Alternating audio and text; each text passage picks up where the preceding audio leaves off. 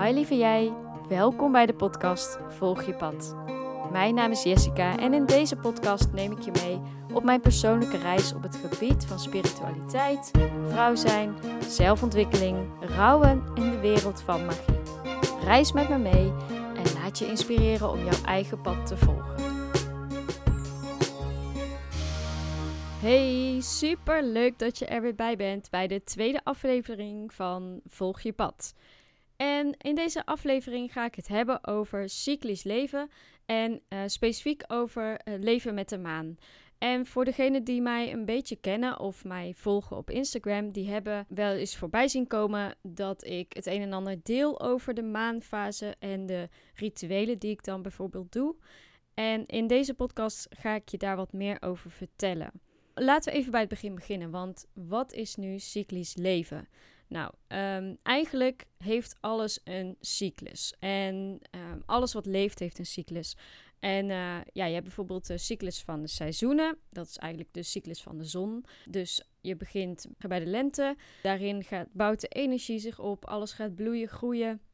In de zomer heb je daarvan het hoogtepunt. In de herfst ga je oogsten en vervolgens um, laat, laat je alles los. En in de winter is het tijd om te rusten. En de menstruatie is bijvoorbeeld ook een voorbeeld van een cyclus. En deze kun je ook weer uh, verbinden aan uh, de cyclus van de, van de zon, van de seizoenen. Um, nou ja, in de herfst is het bijvoorbeeld de tijd voor je menstruatie. De winter kun je koppelen aan je menstruatie. De lente is de tijd naar je ovulatie toe. En de zomer is het moment van ovuleren en kort daarna. En dan begin je weer helemaal opnieuw. En de maan heeft ook een cyclus. En daar ga ik het nu dus specifiek over hebben. En ook welke kenmerken daarbij horen, welke rituelen je daarbij kan doen. En waarom zou je dat dan doen, kun je je afvragen. Uh, nou, door te leven met je cyclus, dus of met je menstruatiecyclus, ook dus met de cyclus van de maan, heb je eigenlijk de wind al in de rug. Want je gaat gebruik maken van de energie. En op het moment dat de energie een stukje minder is, heeft het gewoon geen zin om jezelf helemaal te pushen en ja, daar eigenlijk tegen in te gaan. Dan kun je veel beter meegaan met de flow en zelf ook even een stapje terug doen en uh, even wat rust nemen. Om maar een voorbeeld te noemen. En juist op het moment dat de energie heel hoog is, dan is het moment voor jou ook om te knallen, om stappen te zetten. En dat gaat je gewoon ontzettend helpen. Daarnaast is het ook gewoon heel erg belangrijk dat je in jouw leven af en toe ook rust neemt, stapje terugneemt en vervolgens stappen gaat zetten, gaat oogsten en weer uh, loslaten, rusten om vervolgens weer opnieuw te beginnen. Dat gaat je gewoon ontzettend helpen. Dat heb je nodig en is heel erg belangrijk. Voor mij is het leven met de maan en leven met mijn menstruatiecyclus een aantal jaar geleden op mijn pad gekomen. En ik ben daar best wel actief mee bezig gegaan en nog steeds. En ik moet zeggen dat het mij ontzettend heeft geholpen. Want ik weet nu veel beter wanneer ik dus mijn rust moet nemen en wanneer ik weer stappen moet zetten. Het helpt mij juist om te groeien. En het helpt mij om, ja, om echt ook die focus te houden. Omdat je dus leeft met de cyclus, leef je dus van punt naar punt. Dus van volle maan naar volle maan. En door dat te doen en door elke maand, dus elke uh, cyclus, intenties te zetten en je wensen uit te spreken, ga je dat grotere doel, wat je eigenlijk hebt voor over bijvoorbeeld een jaar, ga je dus in kleine stukjes hakken. En je gaat er elke maand ook even naar terug en elke maand ook even op reflecteren, eventueel bijsturen. En op die manier kom je dus veel sneller daar helemaal boven op die berg bij jouw grote doel. Oké, dan genoeg over waarom je zou moeten leven met de maan. Dat is natuurlijk helemaal aan jou of je dat fijn zou vinden. Ik hoop dat ik je een beetje heb kunnen informeren, inspireren en overtuigen om dat te doen. En dan gaan we nu naar het volgende deel van deze aflevering, namelijk over welke rituelen doe je dan precies bij welke fase van de maan? Welke fases zijn er überhaupt? Nou, om even bij het begin te beginnen, er zijn 13 volle maanden in een heel jaar. Dus dat houdt in dat er niet precies elke maand één volle maan is. Onze kalender, dus onze tijd, hoe we nu leven, die, ehm, ja, die is een stuk later ooit eens bedacht en die correspondeert niet helemaal precies met het ritme van de natuur. Dus vandaar dat er 13 volle maanden zijn en geen 12. Dus een um, maancyclus uh, duurt dan ook geen 30 of 31 dagen, maar een cyclus duurt 29,5 dag. Er bestaan acht fasen van de maan. De nieuwe maan, het eerste kwartier, wassende maan, volle maan, afnemende maan, laatste kwartier, asgrauwe maan en de donkere maan.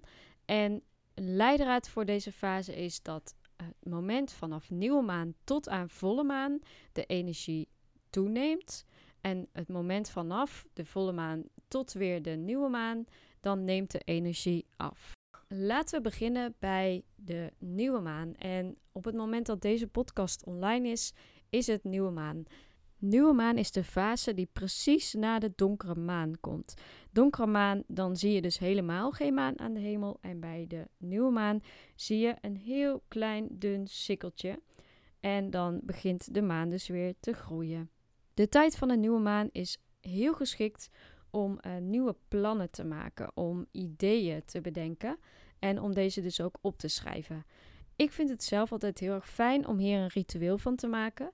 Dus wat ik dan doe is tijdens nieuwe maan, dat kan één dag van tevoren zijn, de dag zelf of de dag erna. Dat zijn dan drie dagen waarbij de energie geschikt is om uh, een ritueel te doen. En wat ik dan graag doe is, ik schrijf op wat ik heel graag zou willen wensen. Vaak doe ik daar dan ook nog een meditatie of een visualisatie bij om goed helder te krijgen wat mijn plannen, mijn dromen zijn. En dan schrijf ik dus alles op. Dan komen we bij de volgende fase aan en dat is het eerste kwartier. Dan zie je een halve cirkel van de maan aan de hemel en de bolling die je dus ziet, die wijst naar rechts. En je kan het ook zo onthouden. Daar kun je een P van maken, de P van première en dat betekent dus eerste. Dus dat is dus eerste kwartier. En dat is het moment dat je actief gaat werken aan je intenties, aan je wensen, aan je doelen. Je gaat stappen zetten, je gaat ondernemen, je gaat het de wereld inbrengen, je gaat uh, vragen, je gaat aanbieden. Wat dan ook bij jouw doelen past, dat ga je doen op dat moment. De volgende fase is de wassende maan. En dat is het moment dat de maan bijna vol is. In deze periode voel je al dat de energie sterker gaat worden. Het is een hele energieke periode. Je kunt in deze periode nog verder werken aan je doelen, aan je projecten. Je kan, er, je kan ze wat uh, fine-tunen. En je gaat eigenlijk werken tot aan het hoogtepunt. Dit is nog steeds een fase van actie. Dan komen we bij volle maan. En volle maan is ook een prachtige periode. Er worden heel vaak rituelen gedaan tijdens volle maan, net zoals nieuwe maan, maar ook bij volle maan. En dat is het moment dat alles gemanifesteerd gaat worden. Dat is ook het moment waarop er licht geschenen wordt op alles wat in de duisternis is. Dat is eigenlijk heel symbolisch. Heel veel mensen voelen het vaak aan als het volle maan is. De emoties liggen wat hoger. Mensen slapen vaak heel slecht of dromen heel intens. En als je dit weet van tevoren, dan kun je hier dus handig op inspelen. Dit is dus ook een moment waarop je een boekje naast je bed neerlegt en je dromen opschrijft. En hoe ik dat persoonlijk in mijn leven toepas, is dat ik belangrijke afspraken of juist, uh, ja, als ik iets wil binnenslepen of juist iets wil vieren, dan doe ik dat vaak tijdens volle maan. Wat je ook nog tijdens volle maan kan doen, is samen met andere vrouwen bij elkaar komen en de volle maan vieren, als het ware. Dus je kunt er echt een, ja, een ritueel, een e event van maken. En wat ik zelf persoonlijk ook altijd heel fijn vind om te doen tijdens volle maan, is om echt naar de maan te gaan kijken. Ik vind het altijd zo magisch en super mooi. Dus dat doe ik dan heel graag. En uh, als ik eraan denk, dan uh, zet ik ook al mijn edelstenen voor het raam om op te laden. Oké, zoals je merkt kan ik echt uren over de volle maan praten. Maar we gaan door naar het moment dat de maan weer gaat afnemen. Dus afnemende maan. Dit is de periode dat je het weer wat rustiger aan mag doen. De energie van de maan neemt af. En in deze eerste periode is het de tijd dat je ja, even een stapje achteruit mag zetten, achterover mag leunen en mag ontvangen. Dan komen we bij het laatste kwartier en dan is de maan een halve cirkel met de bolling aan de linkerkant, waardoor je er een D van kan maken. En de D staat dan voor dernière, de laatste. Dat betekent laatste in het Frans.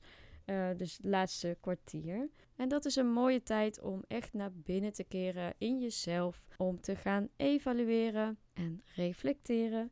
Een hele belangrijke ook voor deze periode is om los te laten. Dus alles waar jij niets aan hebt, alles wat niet bijdraagt aan jou, aan jouw doelen, aan jouw leven. Dat kunnen uh, letterlijk voorwerpen zijn, maar ook uh, personen of opdrachten, uh, je werk, noem het maar op. Dat mag je op dit moment gaan loslaten. En dan de fase tussen het laatste kwartier en de donkere maan, dus het laatste beetje maan. dat noemen we de asgrauwe maan. En in deze periode mag je echt rust nemen. Dit is een periode van selfcare, goed voor jezelf zorgen. Je gaat geen actie ondernemen, maar je gaat juist lekker naar binnen keren. Doe aan meditatie, aan yoga. Ga lekker wandelen, schilderen. Uh, dingen doen waarvan je oplaat. Want um, na deze periode komt de donkere maan. Dat is de tijd dat er niets aan de hemel is te zien. Dus in die periode mag je echt vertrouwen hebben, je intenties zetten. En dan begint het weer van vooraf aan en dan is het weer nieuwe maan. En hoe weet je nu in welke fase de maan zich bevindt? Nou, dat kun je simpelweg opzoeken op internet. Maar er bestaan ook zulke dingen als een maankalender. En toevallig, ja, heel toevallig heb ik er zelf eentje gemaakt.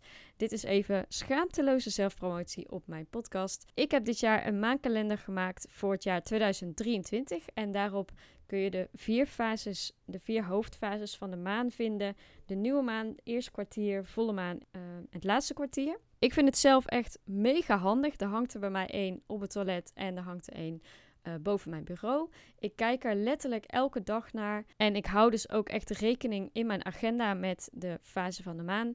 Dus uh, ja, mocht je er ook een willen, kijk even op mijn Instagram, Jessica Bretterton. Onderin de omschrijving zal ik hem even linken. En uh, ja, mocht jij ook een hele mooie maankalender willen, kijk dan even en uh, je kan hem bij me kopen. Dan wil ik je heel erg bedanken voor het luisteren naar deze podcast. En ik zie je heel graag weer bij de volgende. Doei!